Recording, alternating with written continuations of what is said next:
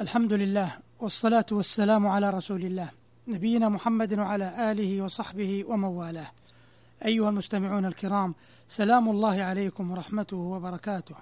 أما بعد فقد كان الحديث في الحلقة الماضية يدور حول جانب عظيم من جوانب السيرة النبوية المباركة ألا وهو حسن بيان النبي صلى الله عليه وسلم.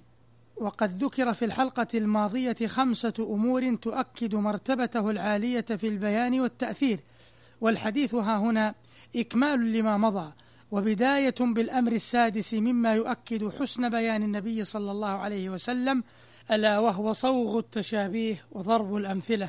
فلذلك أثر كبير في جعل الحقائق الخفية واضحة والمعاني الغريبة قريبة مألوفة وعلى هذا النحو كانت تجري كثير من الأحاديث النبوية ومن الأمثلة على ذلك قول النبي صلى الله عليه وسلم في شأن المؤمنين وتآلفهم مثل المؤمنين في توادهم وتراحمهم وتعاطفهم مثل الجسد الواحد. إذا اشتكى منه عضو تداعى له سائر الجسد بالسهر والحمى. أخرجه البخاري ومسلم. سابعا إعطاء الوسائل صورة ما تفضي إليه من الخير والشر.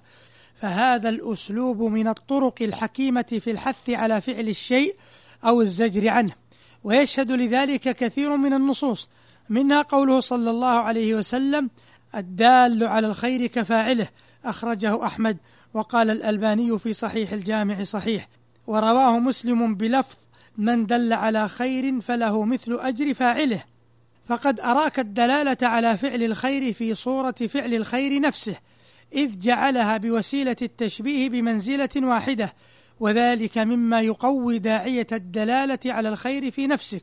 وكما قال عليه الصلاة والسلام إن من أكبر الكبائر أن يلعن الرجل والديه.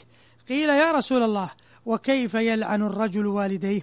قال يسب الرجل أبا الرجل فيسب أباه ويسب أمه فيسب أمه. أخرجه البخاري ومسلم. فانظر كيف عد سب الرجل لأبي الرجل أو أمه في صورة سب الرجل لوالديه.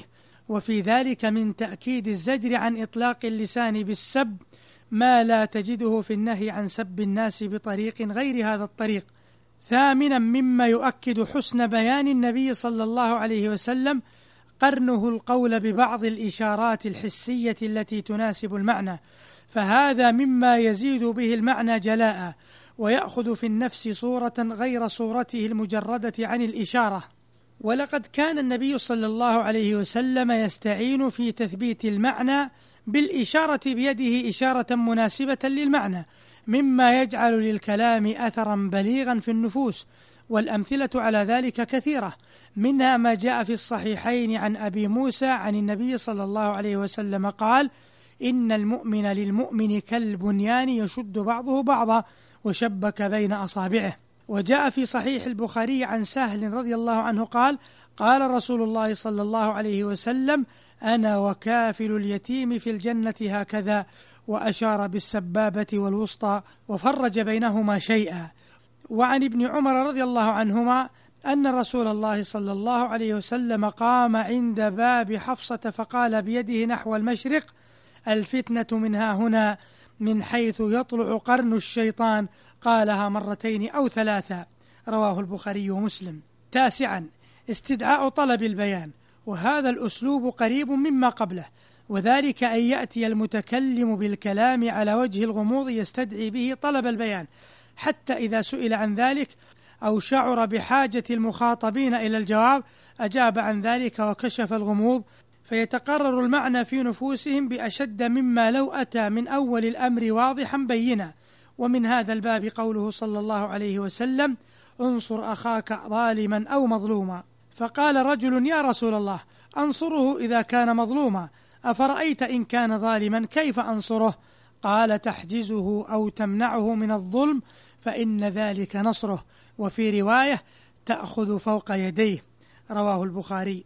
عاشرا مما يؤكد حسن بيان النبي صلى الله عليه وسلم استعماله أسلوب النداء ومناداة المخاطبين بما يحبون وذلك بشد انتباه المخاطبين واستدعاء استجابتهم بنداءات يطلقها المتكلم في ثنايا حديثه بين الفينة والأخرى.